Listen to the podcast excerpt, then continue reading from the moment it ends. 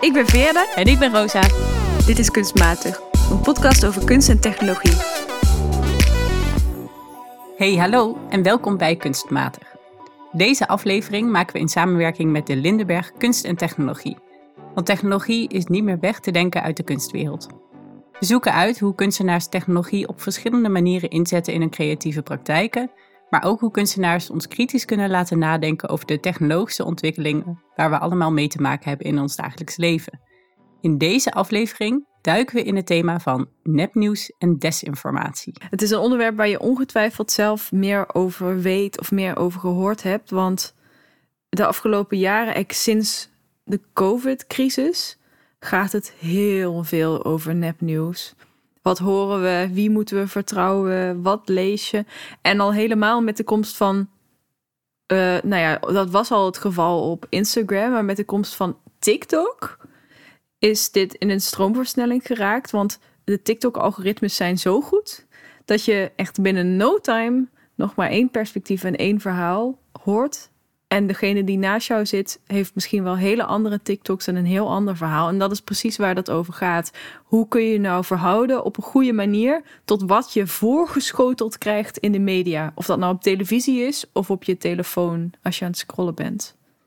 Ja, en tegelijkertijd, we hebben het vorige aflevering gehad over AI en um, uh, ChatGPT onder andere. We zien dat dat soort nieuwe technologieën, ja, of het nou TikTok is of juist die AI-gestuurde technologieën heel veel nieuwe vragen oproepen over wat is nou echt? En hoe is dat wat we zien niet altijd iets wat we meteen kunnen aannemen of kunnen geloven?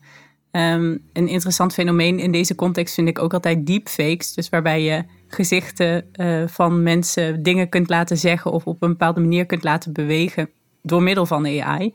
Waardoor het ontzettend echt lijkt en het ook heel moeilijk is om te onderscheiden um, dat je naar een AI-gegenereerd beeld zit te kijken. Dus met die opkomst van nieuwe technologieën worden we echt geconfronteerd met nieuwe vragen rond, omtrent mediawijsheid. En het biedt een hoop nieuwe uitdagingen over hoe we nog kritisch kunnen kijken naar de input die we op het nieuws zien, maar ook op onze social media. En mediawijsheid, daarmee bedoelen we dus het idee dat je moet leren kijken naar de berichten die je krijgt op tv, op sociale media. Zodat je leert onderscheiden wat echt is, wat nep is. Maar ook zodat je leert onderscheiden welke verhalen worden er nou verteld. Uh, zitten er meerdere perspectieven aan tafel? Wat voor soort gesprek wordt er gevoerd? Of is er juist één verhaal dat de hele tijd herhaald wordt? Weet je wel, propaganda is daar de meest extreme vorm van. Dat nieuws is misschien niet altijd nep, maar het is wel maar een stukje van het hele verhaal. En daar gaat mediawijsheid ook heel erg over. Dus nepnieuws is niet altijd per se allemaal een deepfake. Maar soms ook het achterhouden van stukjes van het verhaal die je even niet zo goed uitkomen. En dat is in het bijzonder belangrijk nu, in tijden van TikTok. Omdat alles moet snel en alles moet efficiënt. En als je iets op wil zoeken, dan wil je het liefste dat je resultaat bovenaan staat en niet dat je naar pagina 12 hoeft te gaan voordat je je informatie vindt. En dat gaat soms ten koste van degelijk onderzoek. Uh, dus juist de opkomst van hele snelle technologieën maakt dat we misschien een beetje ongeduldig zijn geworden in, uh, in het lezen en het kijken. Ja, en tegelijkertijd gaat dat natuurlijk ook weer gepaard met polarisatie, met het vooropstellen van juist die hele uitgesproken uitspraken. Dingen die heel erg agressief zijn, uh, of heel extreem zijn dingen die het gewoon goed doen op social media. En die waarschijnlijk die meer naar de voorgrond worden gepusht. En mediawijsheid gaat ook daarover. Over je bewust worden van hoe dit soort media-algoritmen werken. Um, en ook kritische vragen stellen bij de informatie die je tot je neemt. En ook hoe je daar zelf een rol in speelt. Wat betekent het om uh, zelf juist die extreme post voortdurend te delen? Um, dan speel je ook een rol zelf in dat verspreiden van informatie. En dat is natuurlijk iets wat ook inherent nieuw is met die opkomst van sociale media. Dat het niet alleen de gevestigde media, zoals kranten en nieuwsjournaals zijn, maar dat het ook ja, gewone burgers, mensen zijn met een sociale media-account die in één keer journalist kunnen gaan spelen en zelf ook een rol spelen in het verspreiden van nieuws. Ja, en nu hebben wij het natuurlijk over kunst en technologie. Dus in deze aflevering gaan we op onderzoek uit naar welke rol kunstenaars spelen ten opzichte van deze ontwikkelingen. Hè, maken zij zelf gebruik van nepnieuws? Uh, verzetten zij zich tegen dit soort dingen? Spelen ze, kunnen ze ons helpen in het ontwikkelen van mediawijsheid? Wat kunnen we leren van hun werk? Daar gaan we naar op zoek. En daarom vragen we ons af hoe verhouden kunstenaars zich tot nepnieuws? En welke rol spelen zij in het ontwikkelen van mediawijsheid? Yes, en zoals altijd gaan we dat doen aan de hand van een aantal concrete voorbeelden. En Veerle, jij mag beginnen. Wat heb je deze keer meegenomen?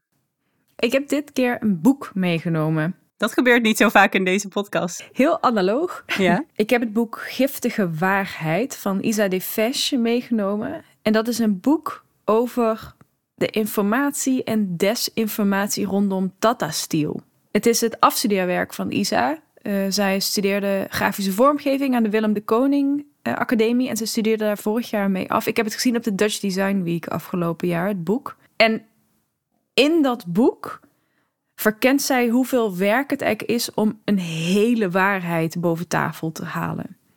Dus het is een boek, heel, heel, heel dik, echt super dik bevat namelijk 4012 datastukken. Over en rondom Tata Steel. Het interessante aan dat boek vind ik dat het alleen al doordat... Het is een boek, dus je ziet het in één keer en je ziet zo. Dat is echt een heel dik boek. Mhm. Dus anders dan dat je iets opzoekt op Wikipedia of uh, op Google... zie je meteen de overweldigende hoeveelheid data... die er dus beschikbaar is over zo'n onderwerp als dit. En Tata Steel Volgens mij iedereen die in Nederland wel eens het nieuws checkt, heeft er wel eens van gehoord. Het is een heel grote fabriek, een hele grote vervuiler in Nederland. Er zijn veel protesten. Nu, as we speak, is er een protest van eh, Greenpeace gaande. Daar, ter plaatse. Eh, omdat Tata Steel heeft een CO2-uitstoot van, hou je vast, 5,7 miljoen ton per jaar. Dat was in 2020, dus u weet is het nu net wat anders. Maar heel erg veel. Ter vergelijking, dat is ongeveer 2 miljoen auto's die elk 13.000 kilometer per jaar rijden in één fabriek. Dus wat er heel veel nieuws is, dat er heel veel fijnstof in de lucht zit. Uh, mensen daar gezondheidsklachten van ondervinden. Dat ook zichtbaar is op de auto's en de uh, nou ja, speeltuinen en alles in de openbare ruimte. Het is veel besproken in de Nederlandse mainstream uh, media. Echt op het journaal, in talkshows, in programma's op Nederland 1, 2 en 3. En dit kunstwerk grijpt dat dus aan om na te denken over hoe, hoe dit gerepresenteerd wordt? Of? Ja, de kunstenares kent die plek goed, omdat ze vaak surft daar. Aha. En ze verwondert zich dan altijd over het contrast tussen die schoorstenen en de natuur waar ze zich in bevond. En dat wekte haar nieuwsgierigheid. En ze besloot zich daar helemaal op te storten. En al gauw ondervond ze dus: oké, er is echt heel erg veel informatie. Uh, maar ze beperkte zich bij het verzamelen daarvan niet tot alleen nieuwsberichten. Maar ze ging bijvoorbeeld zich aansluiten bij allerlei Facebookgroepen die uh, daarover gingen. Ze ging uh, bijeenkomsten bijwonen daar in de buurt. Uh, ze ging wetenschappelijke onderzoeken tot zich nemen. Ze ging gesprekken voeren met omwonenden om zoveel mogelijk over dat onderwerp te weten te komen. Ook als grafisch ontwerper met het idee van: oké, hoe kun je nou zo'n complex onderwerp vatten, uh, bij elkaar brengen? Uh, wat is mijn rol daarin? Ik kan me voorstellen dat ze zich ook heeft moeten afvragen: wat voor narratief wil ik dan maken? Wat is mijn rol als maker daarin? Ja, want wat je vertelt is is, eigenlijk eh, dat ze de rol inneemt als journalist. Hè? Ze gaat wetenschappelijke rapporten door, ze gaat met mensen praten, maar daar blijft het niet bij, heb ik het idee. Nou, tot op zekere hoogte als journalist. Het punt van een journalist is dus dat hij vervolgens een narratief maakt. En keuzes maakt. En oké, je hebt uitzonderingen van journalisten die een heel groot, lang stuk schrijven. Maar doorgaans krijg je misschien als je geluk hebt 850 woorden. En that's it. Um, maar in ieder geval, wat ze heeft gedaan, is dus een boek uiteindelijk gemaakt van 700 pagina's, waarbij de helft bestaat uit al deze informatie die ze heeft gevonden. heeft ze samengebracht. Dus het boek zijn heel veel krantartikelen en stukken uit onderzoeken en foto's en verhalen van gesprekken. En de andere helft van het boek bestaat uit meer dan 10.000 ongewone voorvallen die er zijn geweest. En die heeft ze uiteindelijk kunnen inzien doordat andere mensen een WOP-verzoek hadden ingediend en heel veel gedoe. En toen kon ze uiteindelijk die data inzien. En die heeft ze daar dus ook allemaal in, in samengebracht. Wat moet ik me daarbij voorstellen? Wat zijn ongewone voorvallen? Nou, dan moet je aan nare dingen denken. Dus mensen die ziek zijn geworden, uh, mensen die schade hebben ondervonden, die misschien niet te bewijzen, toe te schrijven is dat dat stil, maar heel vermoedelijk toch wel.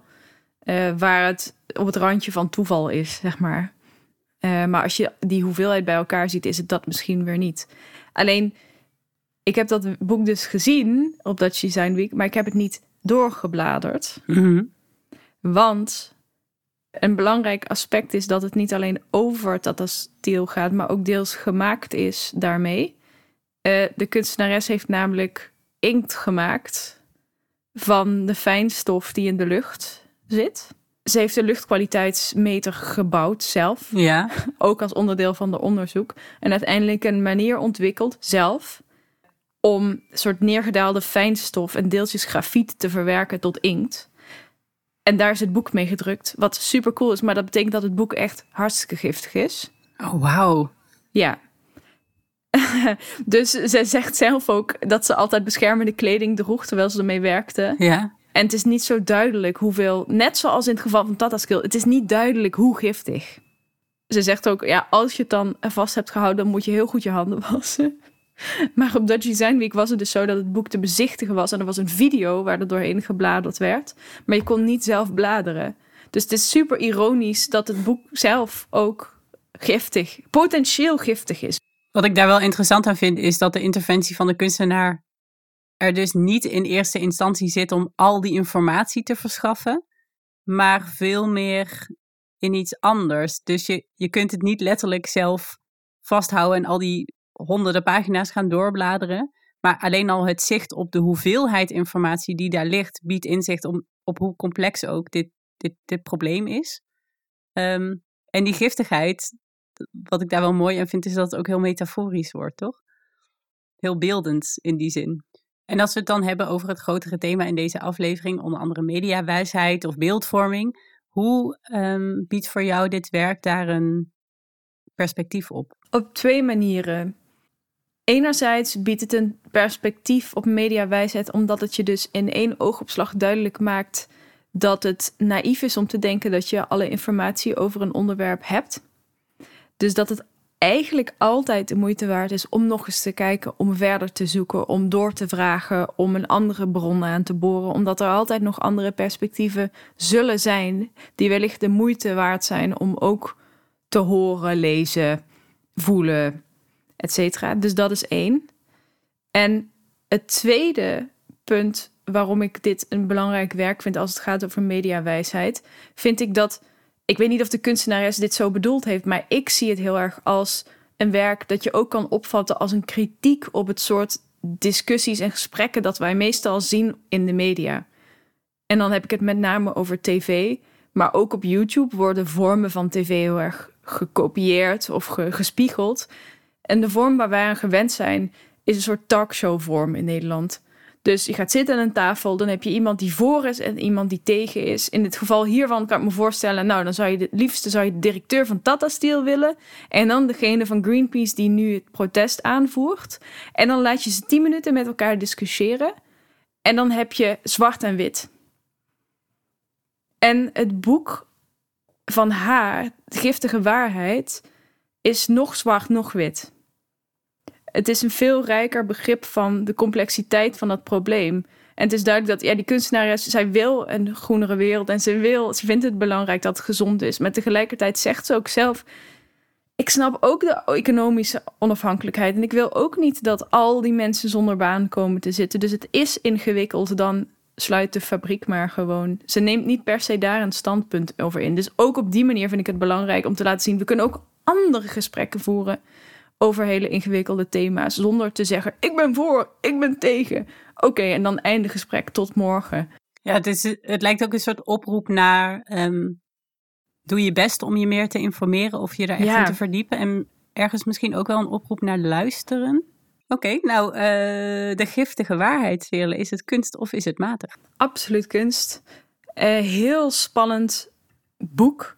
Ik vind het ook cool dat het een boek is. Omdat dat bespreken we niet zo vaak. En in dit, vorm, in deze, dit werk heeft dat echt een meerwaarde. Omdat het zo ergens zo onhandig is.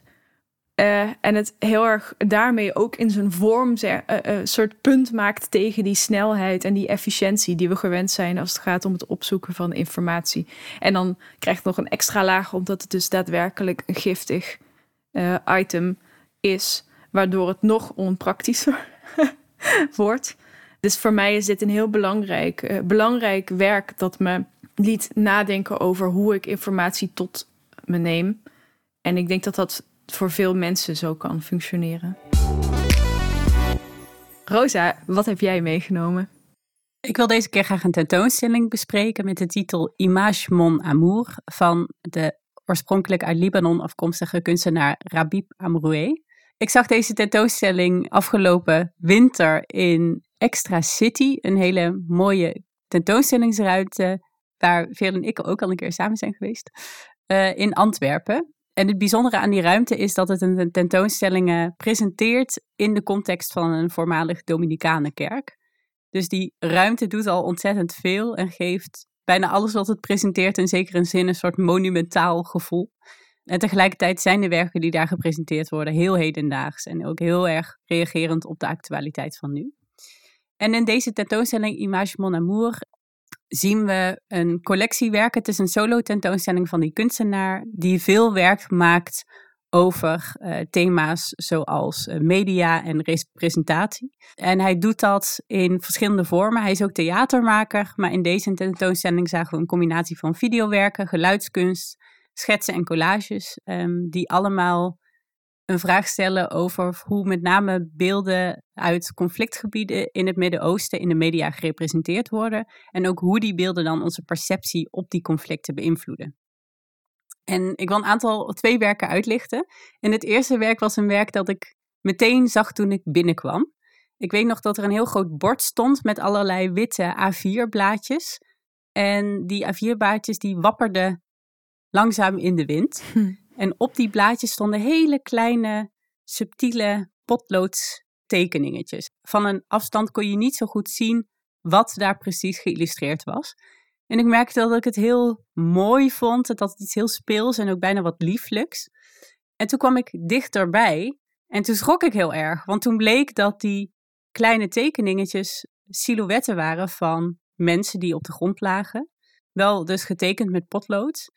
En dat over die tekeningetjes een soort projectie werd getoond van drones. Dus je zag allemaal van die kleine drone-apparaatjes daar zo boven vliegen en je hoorde ook dat geluid.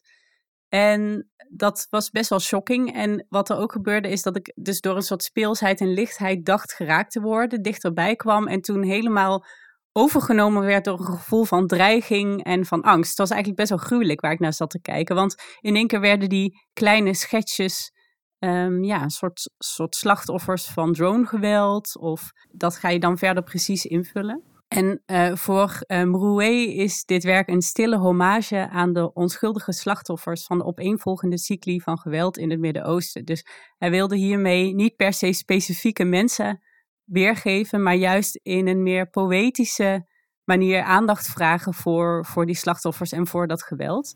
Mhm.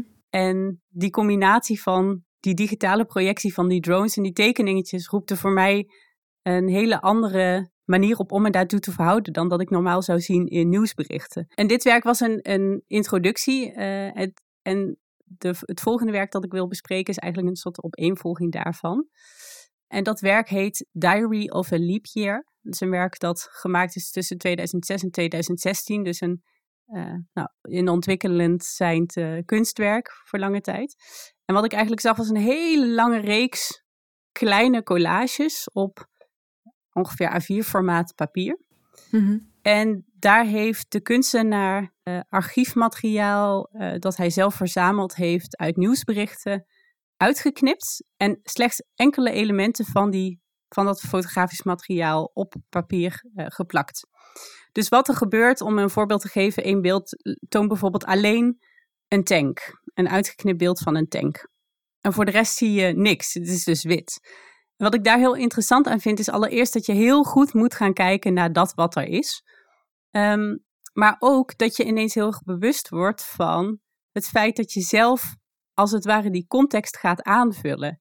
Dus je gaat denken: oké, wat zou hieromheen kunnen gebeuren? Uh, waarom heeft de kunstenaar precies die tank uitgeknipt? Is dat uh, het centrale element van dit nieuwsbericht? Is dat waar alles om gaat? Of is het juist een bijelement of niet? Mm uh, dus je aandacht wordt erop gericht, waardoor je ook bewust wordt van de dingen die altijd worden weggelaten. Door het fragmentarische is het werk inherent subjectief. En waar een nieuwsbericht eigenlijk pretendeert altijd objectief te zijn en de volledige informatie te geven, de volledige waarheid te vertellen, kun je niet anders dan naar dit werk kijken als een heel subjectief werk, als een, een deel, als een beperkt deel van dat wat er is gebeurd. Ik snap hem. Um, ja. En door dat te doen, denk ik dat de kunstenaar een heel belangrijk inzicht geeft in, uh, in mediawijsheid in zekere zin. Namelijk dat de beelden die we zien altijd gefragmenteerd zijn en bewerkt zijn. En het deed me ook denken aan een voorbeeld uit ja, iets wat in 2003 is gebeurd. Uh, je had een journalist, Brian Walski, en die werkte voor de Los Angeles Times. En hij deed daar verslag met foto's um, over de Amerikaanse invasie in Irak. Mm en wat daar gebeurde is dat hij twee verschillende foto's had samengebracht tot één compositie. Oké. En het lijkt een kleine aanpassing, maar door die compositie, die esthetisch eigenlijk er in zekere zin wat interessanter uitzag, het is een mooier beeld, verschoof heel erg de rol die de mensen op de foto toegediend kregen. Dus je zag soldaten en je zag burgers. En die soldaat die zwaaide als het ware met zijn wapen en zei een beetje zo van hou dekking. Waardoor in, door die nieuwe constellatie als het ware de soldaat soort van de heldrol had. Ja, ja. En de burger heel erg in de ondergeschikte rol terecht kwam. En in de originele foto's was dat helemaal niet zo eenduidig. Uh, en die journalist is daar uiteindelijk over ontslagen, omdat uh, nou ja, dit nogal invloed heeft op die perceptie. En dat is echt weer zo'n voorbeeld waarbij we denken dat nieuwsfotografie altijd heel neutraal is. Maar het is natuurlijk altijd een kwestie van waar zoom je op in, uh, wat besluit je te fotograferen en wat besluit je om weg te laten. Ja, ik zit de hele tijd al te denken hoe deze tentoonstelling zich dan verhoudt tot iets als World Press Foto tentoonstellingen of zo. Zou het je daar dan bij helpen om daar anders naartoe te gaan? Als je nu net eerst deze tentoonstelling hebt gegaan, hoe ga je dan anders naar een World Press Foto tentoonstelling? Nou, absoluut. Ik denk dat je je veel bewuster bent van het feit dat fotografie geen neutraal instrument is. En dat daar altijd heel veel keuzes worden gemaakt en dat die ook een bepaald perspectief representeren of presenteren. Wat ik denk dat Amroué mooi laat zien, of waar hij ook vragen over stelt, is bijvoorbeeld propaganda maar ook ja, collectief geheugen. Hoe heeft de media invloed op de dingen die wij ons herinneren? Hè, wat wordt aandacht gegeven en hoe helpen de media daarbij om dat groter te maken of juist uh, kleiner te maken? Uh, en wat zijn ook de ongehoorde verhalen? En door, door die gefragmenteerde collages word je dus zo aan de ene kant bewust van: oké, waarom krijgt dit aandacht? Maar ook wat zijn al die verhalen die het nieuws niet halen? Die, uh, uh, die daar niet naar voren worden gebracht.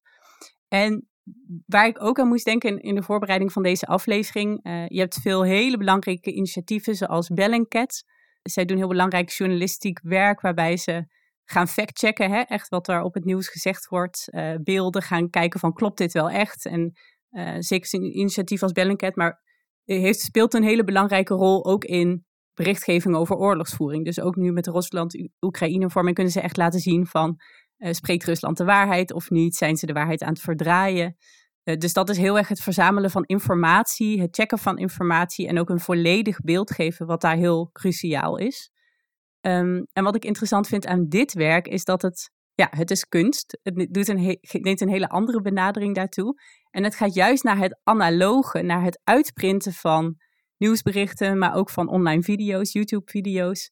En maakt dat materieel. Um, en is juist in zijn, door zijn onvolledigheid heel kritisch op die beelden die in de media gereproduceerd worden. Dus het is juist in het weglaten, in het fragmenteren en ook in het analoge dat daar die kritische interventie in zit. Maar zou je dan voorstander zijn van misschien poëtischer werk of kritischere foto's als je een nieuwsbericht leest? Of is dat helemaal niet de rol die er moet zijn? Ik denk niet dat dat, mij per se de oplossing uh, lijkt. Ik denk in deze, in deze overvloed van fake news dat het super belangrijk is dat er mensen zijn die bij de feiten blijven en dat uh, blijven factchecken. Uh, dus ik denk niet dat het in die zin een um, oproep is om het nieuws op een andere manier te laten zien. Ik denk wat het wel doet, is juist jou als kijker bewuster maken van welke rol speel jij in het opnemen van informatie. Um, hoe kijken wij van ook vanuit een westerse blik naar conflicten in het, en oorlogen in het Midden-Oosten of in andere delen van de wereld? Uh, en hoe wordt die blik gekleurd door de nieuwsmedia die we tot ons nemen? En ja, en welke verhalen worden daar wel of niet in, in gehoord? Dus ik denk dat juist dat dat een heel ander soort vraagstuk is. Van niet, we moeten het nieuws op een andere manier doen, maar wel hoe kunnen wij als, ons als kijker daar op een andere manier naar toe verhouden. Dit, uh, deze tentoonstelling, Image Mon Amour, kunst of matig?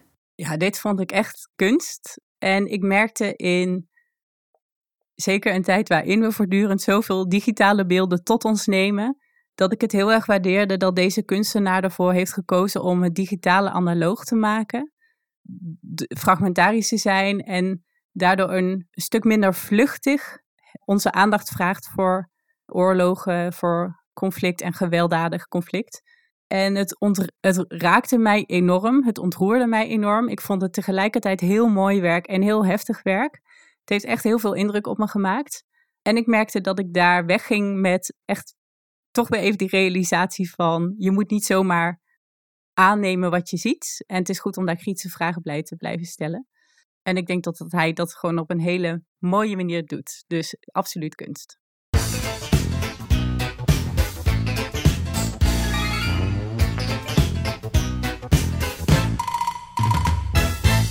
Naar twee verrassend analoge werken in onze hoofdonderwerpen gaan we nu toch echt naar het digitale domein met de gadget. Want in de gekke gadget hebben we altijd iets wat je zelf kunt uitproberen en toepassen. En dit keer is dat heel toepasselijk. Een website waar jij zelf aan de slag kunt als nepnieuwsmaker. Het is de website getbadnews.com. En zodra je daar naartoe gaat, probeer het zelf maar eens. De link staat in onze show notes in de omschrijving van de aflevering. Kun je meteen aan de slag. Jouw rol is namelijk om zo goed mogelijk te worden in het maken van nepnieuws. Je moet al je ethische bezwaren even laten vallen en zoveel mogelijk volgers verzamelen als nepnieuwsverspreider. Ja, als je de website bezoekt, loop je verschillende stappen door en ga je als het ware een soort trainingsprogramma uh, doen om een nepnieuwsverspreider te worden. Dus je gaat een nieuw, nieuwschannel, een nieuwsmedium um, oprichten. Uh, waar je vervolgens de hoofdredacteur wordt. Er wordt gevraagd of je nepvolgers weer koop, wil kopen en je gaat engagement creëren. En wat ik tof vind aan het project is dat het met ontzettend veel humor is gedaan. Uh, en dat het eigenlijk door je door al die verschillende stappen mee te nemen op een grappige manier, op een speelse manier inzicht biedt in hoe dit soort dynamieken eigenlijk werken. Dus op een gegeven moment las ik ook van net was je nog een boze burger, nu ben je ineens een hoofdredacteur met invloed. En het laat wel heel erg zien hoe, nou ja, waarvan uit vaak dit soort nepnieuws wordt verspreid. En wat die stappen zijn die daartoe leiden en hoe het soms ontzettend uit de hand kan lopen. Het werk is ook echt ontwikkeld door de, door de makers in samenwerking met wetenschappers, omdat het kan ingezet worden om mediawijsheid te vergroten. Maar wat jij al zegt, Rosa, dan op een hele grappige manier. Dus niet door belerende lessen te lezen of door nepnieuws te analyseren, maar juist door in de huid te kruipen van iemand die zoveel mogelijk mensen voor de gek wil houden, leer je waar je op moet letten als jij zelf niet voor de gek wil worden gehouden. En dat zit hem soms in hele kleine dingen. Dus leren herkennen oh ja, als ik een e-mail of een tweet lees van iemand en er zit een hele kleine spelfout in de achternaam, dat is, dat is een, weet je wel, dat is een teken dat het waarschijnlijk net nieuw, nepnieuws is. En hoe beter jij je weet te verstoppen, dus hoe kleiner de, de foutjes zijn die je kan detecteren, hoe meer mensen erin trappen. Waardoor je echt de dynamiek de dynamieken rondom fake news leert kennen. Van waarom werkt iets nou beter dan iets anders? En waarom ben ik geneigd hier wel in te trappen en hier niet in? Dus door een grappige toepassing, die trouwens te spelen is vanaf 14 jaar. Dus het is ook echt, ehm, de makers moedigen iedereen aan om het ook te gebruiken met kinderen, eh, met de mensen die je in je klas hebt, eventueel. Door, daardoor kun je spelenderwijs nou, weerstand opbouwen tegen nepnieuws en tegen die eenzijdige perspectieven die je misschien tegenkomt online. En daar het gesprek over aangaan. En dat ook nog op gewoon een grappige manier. Dus wat ons betreft een gadget die je zeker een keer moet uitproberen. Op een sokkeltje. Deze keer staat op het sokkeltje het kunstwerk Black News van de Amerikaanse kunstenaar Khalil Joseph. En Khalil Joseph is iemand die verschillende disciplines uh, zich eigen heeft gemaakt. Hij maakte onder andere videoclips voor Beyoncé en Kendrick Lamar. En sinds 2015 staat hij ook bekend om zijn grootschalige video-installaties die zich afspelen op het grensvlak van cinema, beeldende kunst, mode en muziek. En Black News is een installatie die wij volgens mij voor mij was dit mijn verjaardagsfeestje. Ja, dat denk ik. ja, uh, een paar jaar geleden in 2019. Nee, in 2020, het was corona, toch? Met, uh, met mondkapjes waren we in het Bonnefante Museum in Maastricht. En daar zagen we deze video-installatie. Ontzettend indrukwekkend. En het is een video-installatie die zich afspeelt uh, op een splitscreen. Dus er zijn als het ware twee schermen tegelijkertijd beelden aan het projecteren. En dit alles tegen een achtergrond van een grote zwart-wit foto. Ja, en die, je ziet dus twee schermen naast elkaar. En het is een beetje. En op allebei is het alsof daar een andere tv-zender op op staat. Het is een beetje die sfeer die je hebt als je in een frituur bent, waar ze twee tv's op hebben hangen. Met op de ene een muziekzender en op de ander dan het nieuws. Of misschien is dit alleen de frituur waar ik altijd naartoe ga. Ik had hier nog niet over nagedacht, maar ik begrijp meteen wat je bedoelt. Is het de frituur in België? Ja, in Cannes. Ja. ja.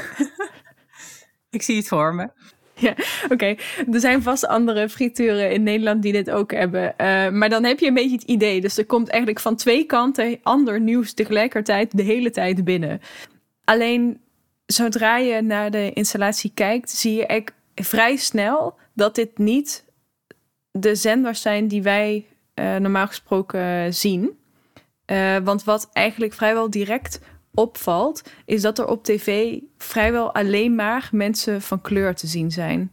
En amper witte mensen.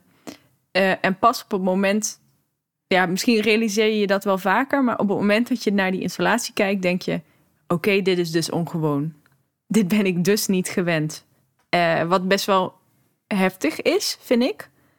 Uh, omdat het je in, een, in, in, zeg maar in negatief, alsof je naar het negatief kijkt van wat, wat dus wel de norm is. Namelijk dat bijna iedereen op tv de hele tijd wit is. Maar in ieder geval, daarover later meer. Maar wat je, wat je ziet dus op die zender is van alles. Het is heel Amerikaans. Dus het is een beetje nieuws met hele harde jingles en mensen die heel erg Amerikaans praten. Het is wel een nieuwsprogramma waarin af en toe iemand aanschuift om geïnterviewd te worden. Op de andere zender zijn er artiesten die geïnterviewd worden? Is er muziek te horen? En dat zijn zowel hedendaagse dingen als meer historisch. Dus er komen ook video's van jazzartiesten uh, langs, uh, historische beelden in zwart-wit. Ja, en daarbij brengt het werk eh, twee dingen samen. Dus aan de ene kant is het echt een viering van de Afro-Amerikaanse zwarte cultuur. Door middel van beelden van muzikanten, kunstenaars, schrijvers, uh, maar ook memes en internetfilmpjes. Het gaat ook over uh, ja, echt het vieren van uh, dingen die vaak onderbelicht blijven van, van die cultuur. en aan de andere kant wordt er ook aandacht gevraagd voor de moeilijke positie van onderdrukking en discriminatie waar zwarte mensen in, dit, in deze context dan specifiek in Amerika mee te maken hebben. En zien we ook nieuwsberichten die daarover gaan of die daar aandacht voor vragen. En wel interessant om te weten is dat Black News oorspronkelijk was, werd gemaakt als een pitch om voor kabelnetwerken om een zender op te richten, om een echte nieuwsshow te worden. Maar toen dat mislukte en het idee afgewezen werd, is het uiteindelijk tot een kunstwerk geworden die op de Biennale in Venetië, een van de belangrijkste kunstfestivals in West-Europa, verwoorden werd. Dus daar werd het voor het eerst getoond uh, in 2019. En wat wel overeind is gebleven, is dat het een video-installatie is die continu aangevuld wordt. Dus hij blijft niet hetzelfde. Dus in die zin lijkt het ook echt op een nieuwszender.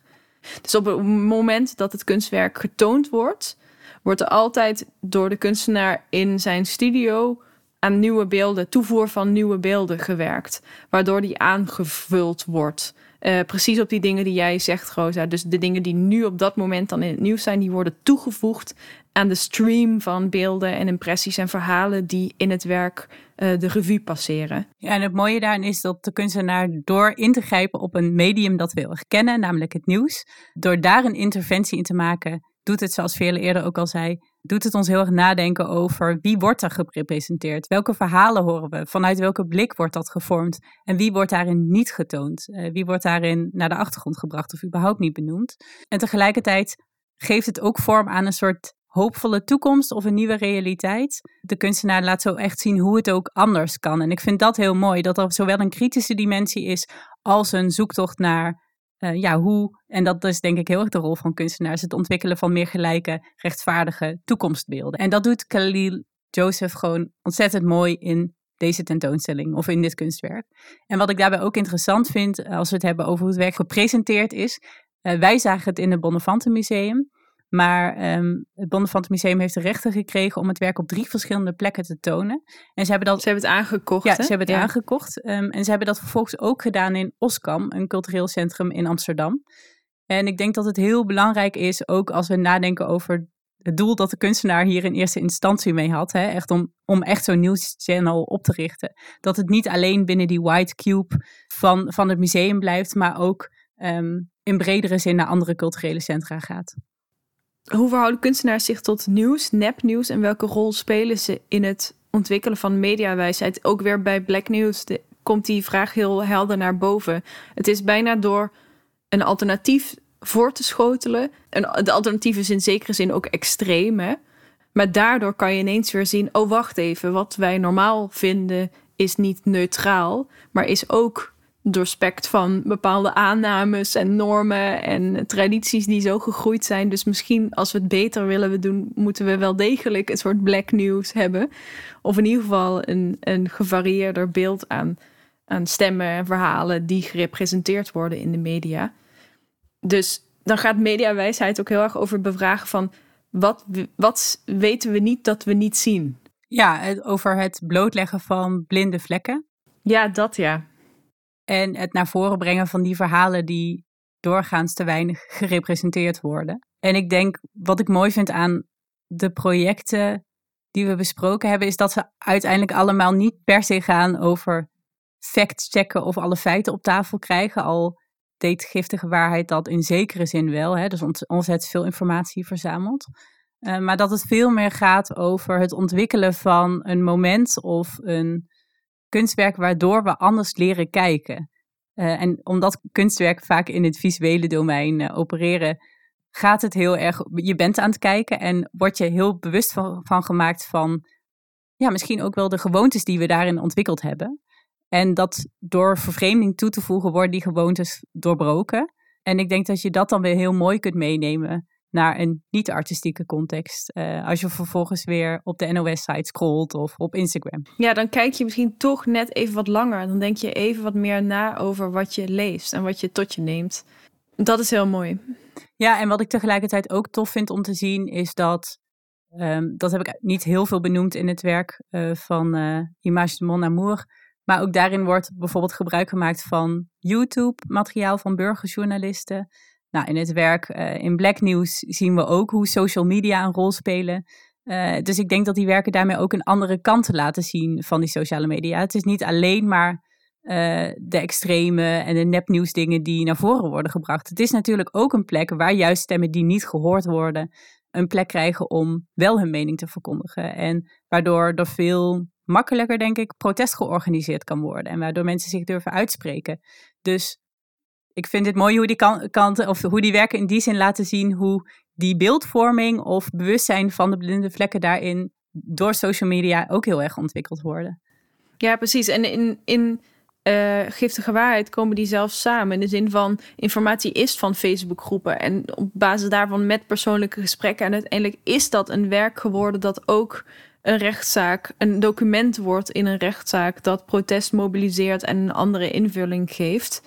Dus je hebt gelijk in dat. De, de kunstwerken bieden of helpen je om te oefenen in bewustzijn van hoe je kijkt en daar een kritische blik aan toe te voegen aan hoe je kijkt, hoe je leest, hoe je nieuws tot je neemt, hoe je je bewust bent van uh, de framing die je tegenkomt, wat je, uh, wat je ook doet, hoe betrouwbaar je, je, je bron ook. Het is altijd maar één bron. Dus daar maken ze je bewust van.